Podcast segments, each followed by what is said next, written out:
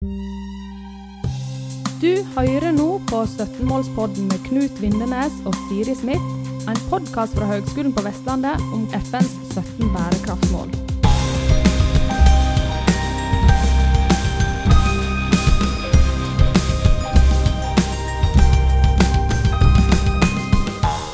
Hei sann, og velkommen til en ny eh, episode i eh, 17-målspodden.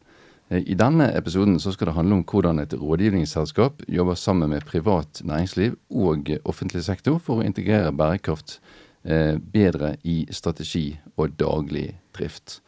Og Da er det en glede å ønske velkommen til Gild Osa Svanberg. Eh, Hei sann. Hei, hei. Og Cecilie Krogh Hatlebekke. Hallo, hallo. Hallo. Veldig bra. Fra, fra selskapet Deloitte, det er viktig å få frem her. Em, og det var jo sånn at uh, det var vel under et arrangement under Klimafestivalen her i Bergen 17. mars at uh, dere, holdt et uh, glimrende innlegg. Og så fant jeg ut at dette her må vi gjøre noe med i podkastsammenhenger uh, også. Så, så heldigvis stilte dere opp på det. Så det, det er veldig bra. Og, og det arrangementet så handlet jo om verdiskaping på naturens premisser. Uh, og det var egentlig en litt sånn vekker for min egen del også, syns jeg. Med sånn totalt altså inntrykket etter det seminaret da, at eh, natur, eh, natur er viktig, da, for å si litt flåsete. Så det er bra. Eh, ja, vi må, vi må rett og slett først høre litt om, om Deloitte som selskap, og litt om hva dere jobber med eh, der, før vi, før vi går videre. Eh, hvem vil begynne? Jeg kan kanskje fortelle litt om Deloitte. Ja. Vi er jo eh, et stort, globalt, verdens største rådgivningsselskap. Mm. Vi er ca. 415 000 ansatte, eh, lokalisert i 150 land. Wow. Så det er ganske stor virksomhet. Eh, nesten umulig å forestille seg hvor stor vi egentlig er. Ja, egentlig. Eh, I Norge så er vi vel eh, ca. 1820 ansatte, eh, lokalisert på 20 forskjellige kontor. Ja. Eh, og vi har eh, et fem forretningsområder som består av revisjon og rådgivning. Mm.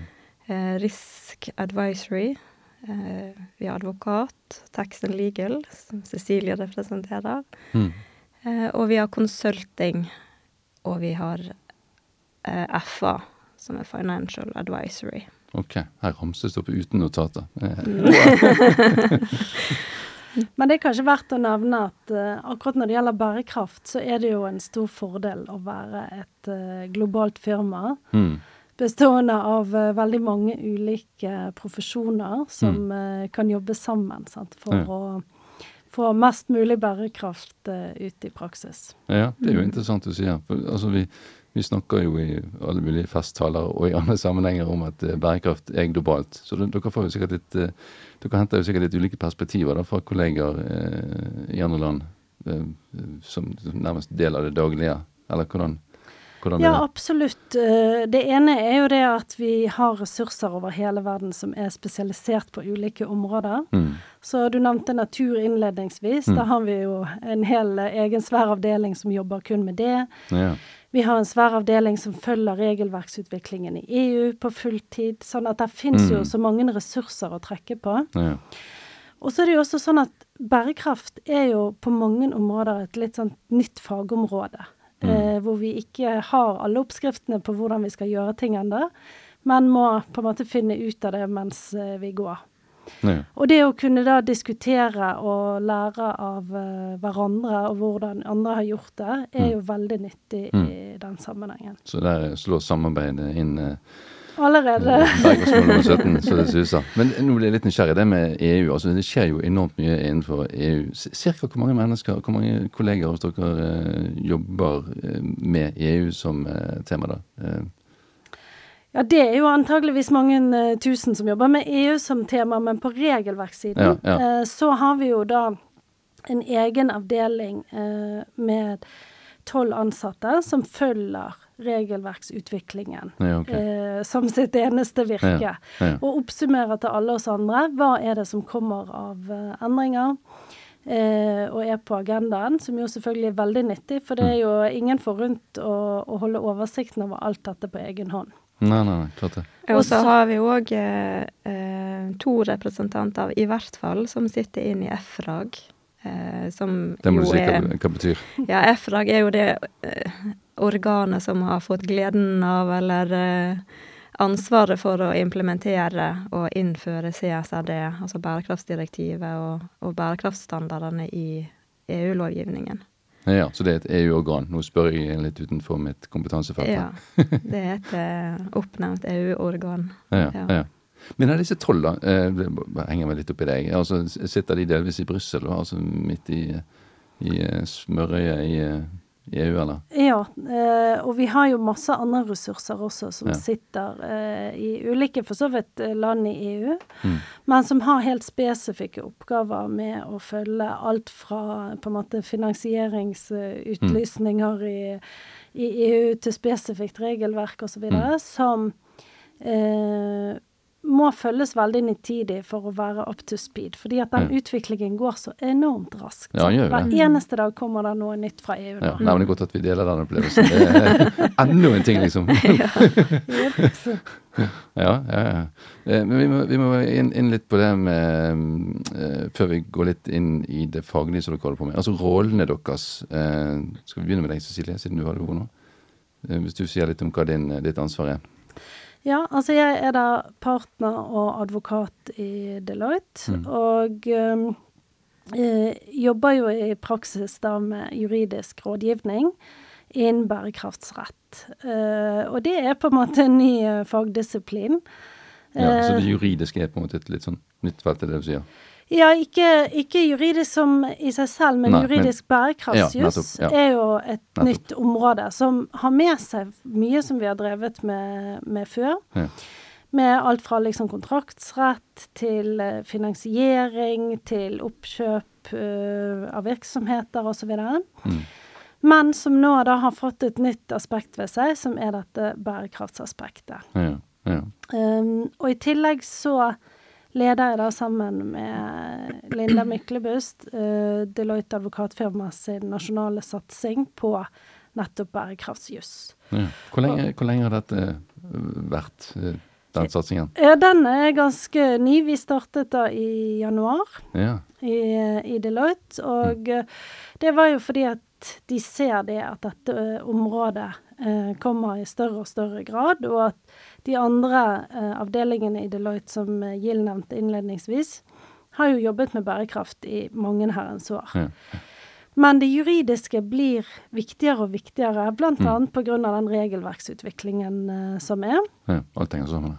Alt henger sammen med, med alt. Eh, men det er jo også noen andre drivere. Eh, sant? Ikke bare kommer det nytt regelverk, men, men det stilles eh, Der er andre forventninger til selskaper og hvordan man opptrer og påvirker omgivelsene i dag, Mm. enn det var for si 20 år siden. Ja, det kommer vi helt sikkert tilbake til. Ja, ja, ja. Eh, Jill, eh, hvordan, eh, fortell litt om din, eh, din rolle. Ja, eh, jeg hører da til i avdelingen audit, altså revisjon og rådgivning, Mm. Ja. eh, på godt norsk, eh, og jeg fyller rollen som partner der. Um, jobber mye med revisjon, men òg da bærekraftsrådgivning, og vi kaller det ESG readiness, altså det å gjøre et selskap klar for å kunne rapportere på ESG, Mm, og mm.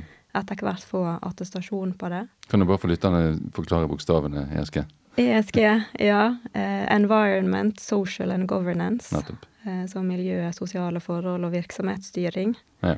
Eh, viktige tema inn i bærekraft. Ja, for det har jo med helheten, sant. Ja. Skal, du gjøre, skal du gjøre noe med miljøsiden uten å ta nok hensyn til den sosiale siden, sant? Så, så har vi vel også norske eksempler på, fra senere tid at det fort seg litt. Ja, absolutt. Og, og det kommer jo òg inn gjennom EU-taksonomien, for Mm. eksempel, at du kan ikke isolert se på klima, men du må først sørge for å ikke påvirke de øvrige miljømålene negativt, og du må òg samtidig ta hensyn til et minimum av sosiale aspekter Nettopp. nettopp. i eh, det arbeidet. for å få ta et litt sånn improvisert spørsmål nå, eh, tipper du tar en fordiktning. Eh, taksonomien, eh, hvordan forklarer vi det begrepet i, en, i et par setninger?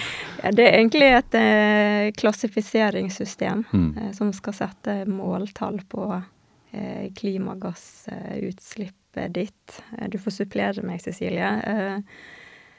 Og så er det ikke kommet standarder for alle bransjer ennå. Sånn at det er ikke alle som kan rapportere i henhold til taksonomien, men det er et arbeid som pågår. Mm. Og de første må begynne å rapportere allerede nå fra 1.1.24. Nettopp. Mm. nettopp. Også, altså det hjelper jo å, å, klassifisere hva som er bærekraftig. Ja, ja. Og det har jo vært veldig vanskelig, sant. Ja. Og eh, jeg tipper alle lytterne har jo sett ulike merker med grønne tagger og eko og mm. friendly mm. og jeg vet ikke hva. Mm. Men vi vet jo ofte ikke hva er det som ligger bak den mm. merkingen av ting. Sant? Er det reelt bærekraftig, eller er det bare noe mm. som, mm. eh, som hevdes uten grunnlag? Mens ja. denne taksonomien oppstiller helt konkrete, veldig detaljerte vilkår for at uh, ulike aktiviteter skal være bærekraftige. Så oppfyller du det, så blir jo det på en måte et kvalitetsstempel. Ja, ja. Mm. Og så var det litt sånn at Norsk Vannkraft ble jo satt under lupen her, eller eh, syk, var vel litt ute å sykle på en måte en, en, en stund eh, i, i, denne sammenhengen, fordi at det ikke ble uh, iallfall i, i en fase vurdert som ikke innenfor uh, taksonomien. Stemmer det. Så det er jo, men, men det er vel det nå? Vi, ja, det handlet jo om at de hadde negativ påvirkning på mm. andre miljømål, mm. uh, på fisk spesifikt. Ja. Uh, og som Gild nevnte, så er det ikke nok at du bidrar positivt til, uh, til de miljømålene som EU har satt seg, mm. men du må heller ikke ha negativ påvirkning på andre. F.eks. den natur som, som ja. var diskusjonen ja. i forbindelse med vannkraft. Ja, ja det, det, husker jeg at jeg har lest. Og, og dette vannkrafteksempelet, det du sier nå, ja, illustrerer jo da hvordan, altså hva det kan bety i praksis. da. Mm. Sånn at, eh, ja, interessant. Håper, mm. håper lytterne følger oss her nå.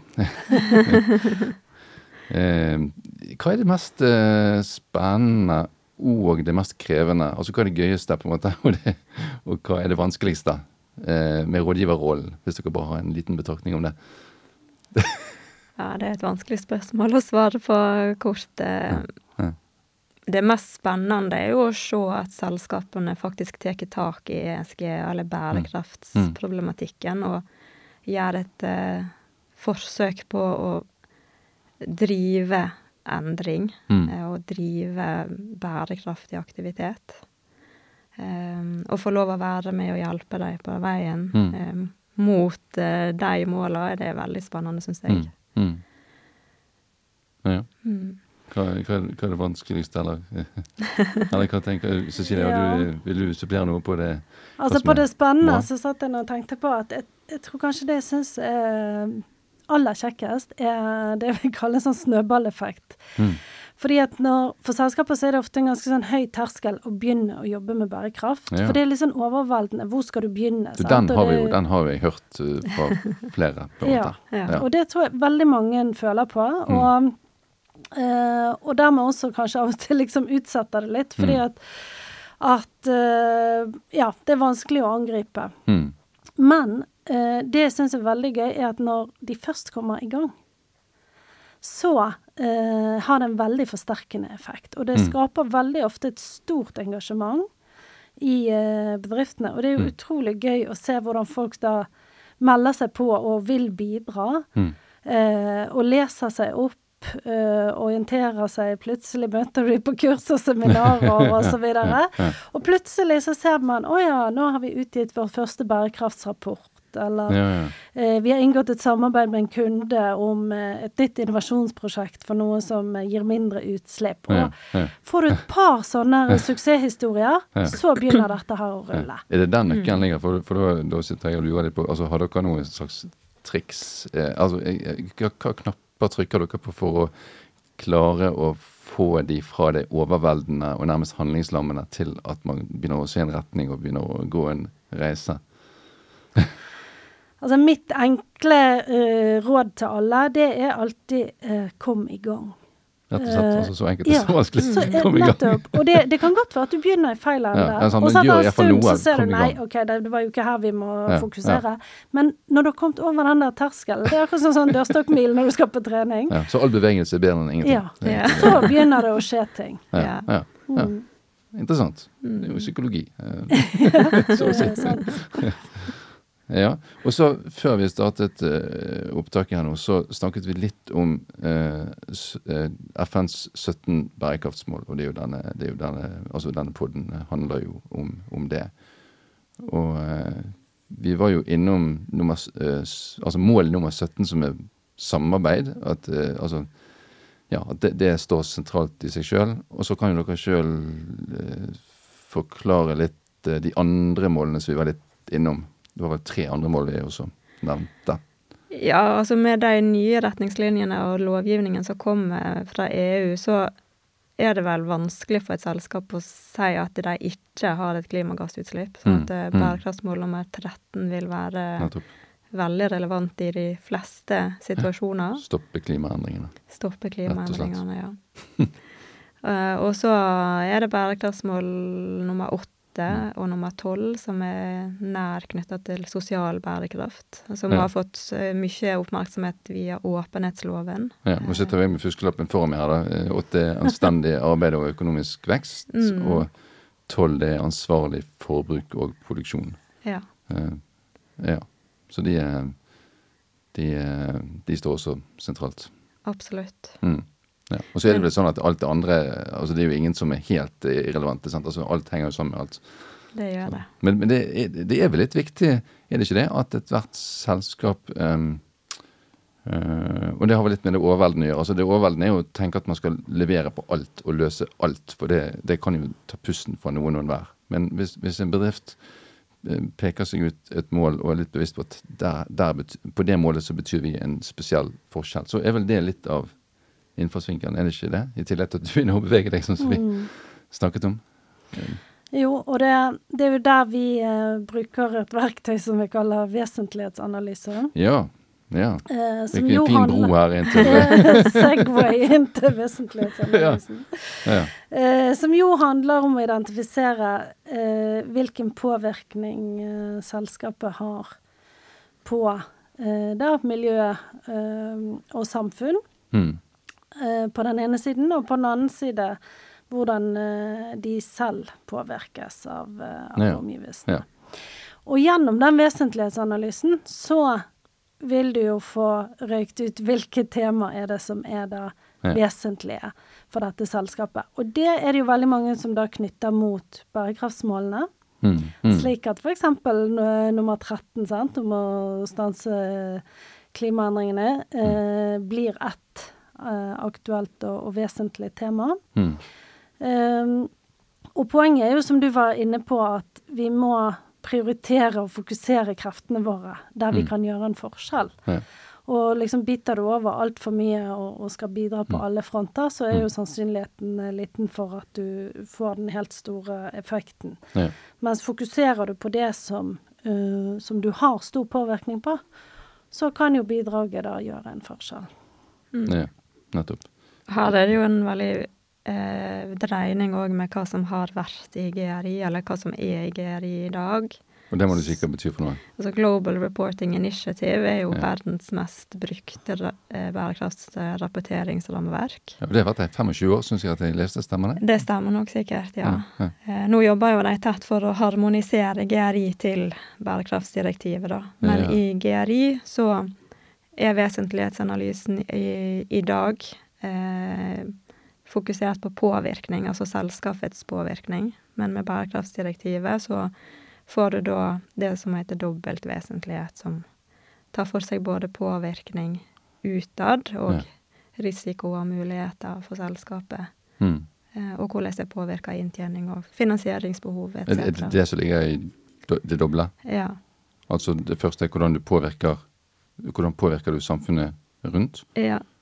Og det andre, hvis du bare gjentar det Det andre er hvilke risikoer og muligheter ESG gir selskapet, da.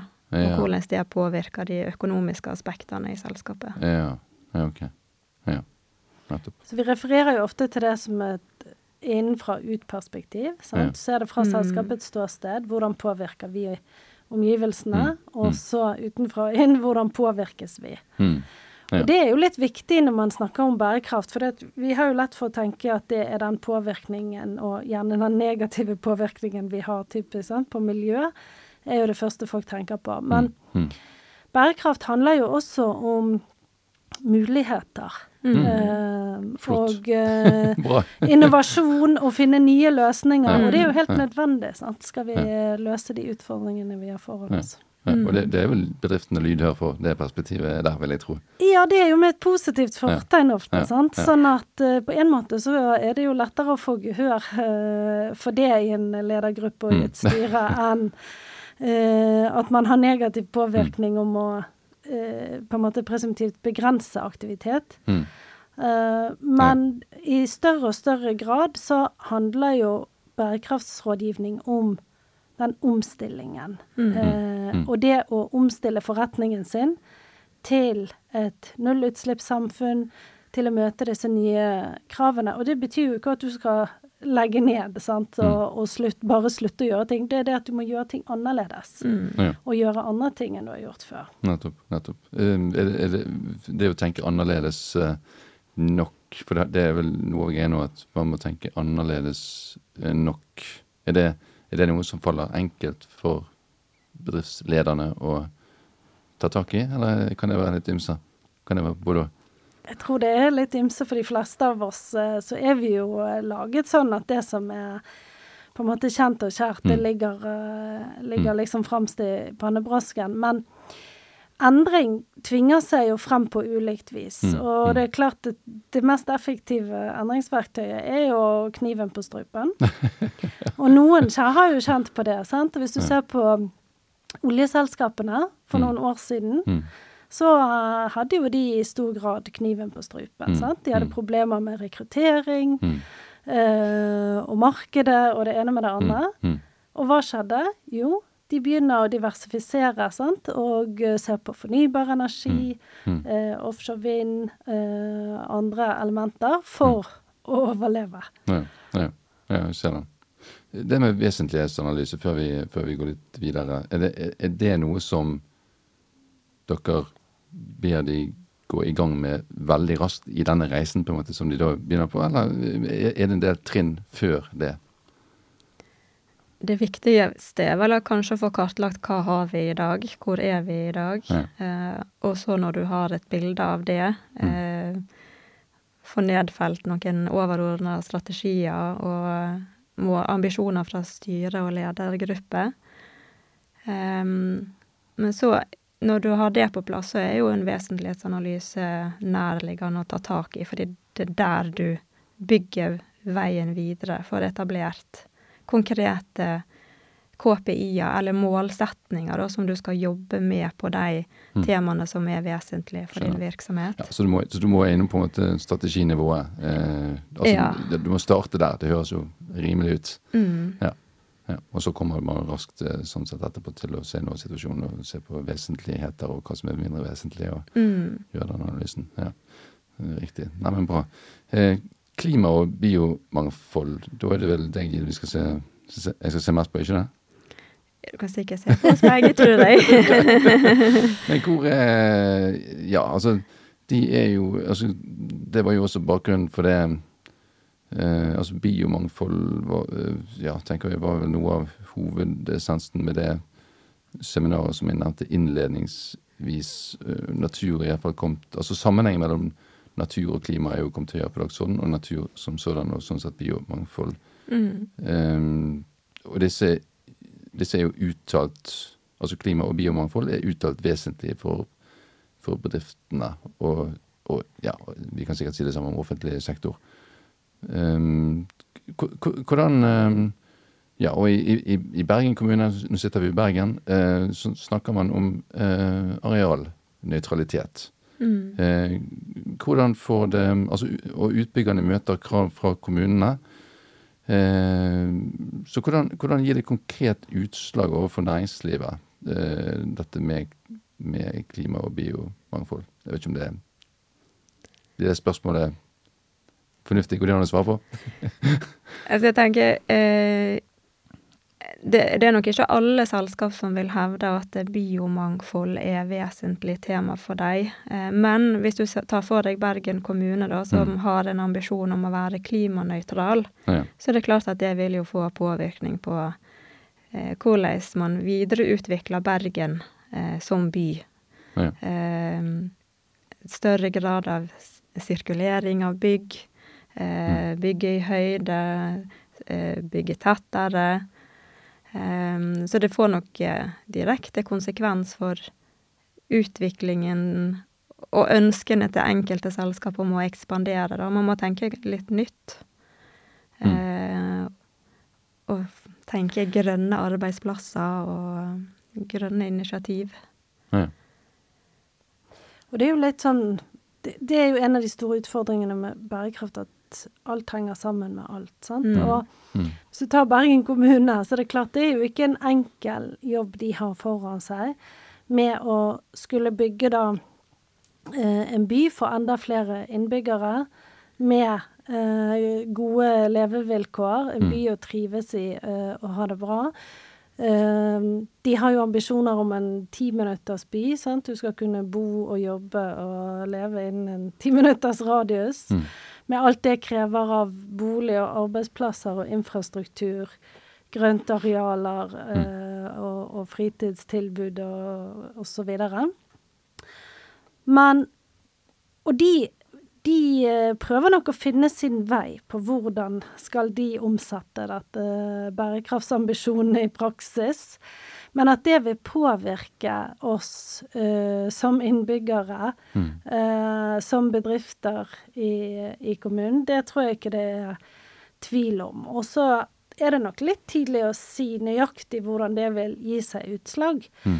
Men jeg tror man trygt kan legge til grunn at det vil bli stilt langt strengere krav til uh, det som handler om klima da, og natur, og at man må være innstilt på at der blir der endringer. Og særlig for utbyggerne, da, at man i større grad må se på transformasjon i stedet for nybygg. sant? Nybygg Mm. har vært billigere, eh, men det blir kanskje ikke avgjørende i framtiden, da.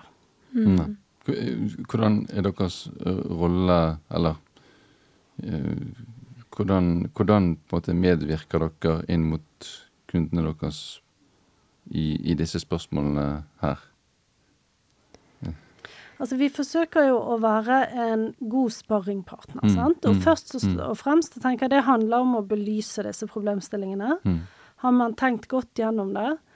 Og enn så lenge så er det ikke alltid så lett å vite om den ene løsningen er mer bærekraftig enn den andre, at Mm. det er komplekse vurderinger. Mm. Ehm, og der uh, er vi jo med å bidra til å, å belyse de. Og så er vi jo også da med i dialogen med det som er av aktuelle interessenter. Sant? Det kan jo være offentlige myndigheter, Mm. det kan jo være andre kontraktsparter, Uh, eiere av eh, ulikt grunnareal osv. For å prøve å finne løsninger som best mulig skal ivareta disse Ja. hensynene. Og der tror jeg potensialet for Bergen Altså det å se hele ESG-agendaen når man snakker om grønne løsninger, det tror jeg blir veldig viktig i de beslutningene som blir tatt framover. Det er kanskje fort å tenke at det, nå har vi en grønn virksomhet her fordi at man reduserer et klimagassutslipp, men så tenker ikke man totaliteten utover i forhold til hvordan det påvirker miljøet, hvordan Hvordan naboene for eksempel blir plassert, og indirekte Ja, altså sant, og så- livskvaliteten ja. til de menneskene som bor i det nærområdet. Da. Så det, Ja. man må tenke mange tanker i hodet samtidig. Ja, ja. Men bare det å innhente rett, ja, i den grad det finnes rett, men altså relevante eh, type data og kunnskap er, no, er jo én ting som aktørene, da, for å si det sånn, det kan jo både være kommunen og det kan være utbyggere og em, eh, ja, leverandører som kommer inn i bildet. Så det å, det å hente frem Altså bruke gode data- og informasjonskilder er, er vel én ting i seg sjøl, der dere sikkert spiller en rolle. Og så tenker jeg at dilemmatrening er et ord som jeg sitter og kanskje smaker litt på. Eh, Det er jo noe som jeg tenker bærekraft handler om i alle mulige kanter og bauger. Så, så når du, hvis du, hvis du på en måte gir tillatelse til å etablere en bedrift med en grønn profil eh, på, et, eh, på et visst areal, Eh, og så bare det å forstå hvilke dilemmaer det handler om. At det, ikke, det, det er kanskje ikke bare oppsidene ved at den bedriften kommer der og skaper noe som på en måte er et grønt produkt, hva det nå måtte være. Men det, det, det har gjerne nedsider på ulike måter eh, rundt det. Det kan være for naboene, det kan være for storsamfunnet på andre måter. Men bare det å forstå dilemmaene. Og så kan man jo begynne å diskutere hvis man har forstått dilemmaet. Men det er jo noe der, ikke det? Der er veldig Absolutt. mye der, vil jeg si. Um, og um, som du er inne på, altså det med datainnsamling og datakvalitet Mm. blir jo viktigere og viktigere, sant. Mm. Og også fordi at det er ikke lenger godt nok å bare synse om bærekraft og kalle ting bærekraftig eller ei. Eh, det må du etter hvert dokumentere, sant. Og det Mm. krever jo et helt annet datagrunnlag Ja. som veldig mange virksomheter eh, nå så vidt har startet på å bygge opp. Eh, og for så vidt også det offentlige. sant? Mm. De eh, skal også måle bærekraft uten at de helt vet hvordan de skal gjøre det. ennå. Mm. Um, og så, som du sier, dette med dilemmatrening og hvordan Mm. gjøre disse avveiningene. Mm. Altså Det tror jeg jo et, kommer jo til å bli et fagfelt. Mm. Mm. Uh, hvor eh, kanskje en del av studentene her uh, vil bidra inn i, i fremtiden. Fordi Mm. at det er vanskelige avveininger. Mm. Ja. Sant? Hvor du skal vurdere alt fra liksom miljømessige forhold, økonomiske forhold, sosiale, eh, helsemessige Mm. forhold, som, som skal hensyntas da i samme vurdering. Og der har vi ikke verktøyene på plass, og vi trenger Nei. kloke hoder som kan uh, lage det. Altså der, for å synse litt nå, da, så, så tror jeg at noen av høyskolens eh, eh, største ildsjeler innenfor bærekraft er der allerede. At de er gode på å eh, kjøre ja, dilemmatrening, hvis vi kan kalle det hvis det er et ord. Ikke sikker. Men i fall å la studentene få øve på dilemmaer som enten kan være litt sånn konstruerte, eller kan være eh, hentet fra virkeligheten. Eh, og så er jo det spørsmålet er vi, eh, er vi som høyskole her er vi, eh, har vi institusjonalisert eh, det godt nok? sånn at eh, Målet må være at alle som kommer ut, enten man er ingeniører som kommer ut, eller man er andre faggrupper, eh, har det i eh, blodet og, og forstå for det første at det er dilemmaer knyttet til alle sidene ved bærekraft, og, og på en måte klarer å identifisere de da i ulike eh, settinger. Så ja, spennende. Eh, tiden går fort her. Vi må videre til neste tema. her som, som det, det går jo på dette med den juridiske siden. Eh, og da er det vel deg, Cecilie, kanskje Eller kanskje begge sikkert har betraktninger der òg. Helt sikkert. men, men forklar, altså Du sa jo litt Cecilie, innledningsvis om, eh, om det med altså hvordan, hvordan altså Juss er jo et kjempeetablert fagfelt, men, men hvordan, hvordan berører det eh, bærekrafttematikken i sin bredde? Si litt om det. Altså det, det enkle utgangspunktet er jo at eh, krav til bærekraft er nå eh, blitt rettsliggjort. Så fra Ja. å være da Mm. eh, det vi eh, har referert til som på en måte soft tidligere, hvor Mm. man liksom kunne velge å utgi bærekraftsrapporter, man Mm. kunne velge hva Mm. man kalte Ja. produktene grønt eller ikke grønt osv. Så, videre. så er det nå da lovpålagte krav Mm. eh, til hvordan du skal håndtere bærekraft. Og da blir det jo ikke bare for å skyte inn, dette, dette er vel i hovedsak EU-initiert, eller kommer fra EU? Ja, veldig, veldig mye kommer fra EU. Så er det noen eh, hederlige unntak der hvor Norge har gått i front, bl.a. med, med åpenhetsloven, som Ja. handler om menneskerettigheter og anstendige arbeidsforhold. Mm. Eh, men EU er veldig aktiv, og Ja. da følger jo Norge som kommer disse regel tolv ansatte hos Ja. dere. Ja, og eh, veldig mye av det som vedtas i EU, det kommer jo og blir eh, til Norge og blir norsk lov Mm. På samme måte som i EU. Ja. Mm. Um, og det uh, at det da er lovmessige krav Mm. til uh, bærekraft, det, det gjør jo at det blir jo ikke noe annerledes for bærekraftsjuss enn for annen juss. Så da advokater har en rolle da i å tolke dette regelverket Mm. og rådgi klienter på hvordan forholde seg til det. Mm.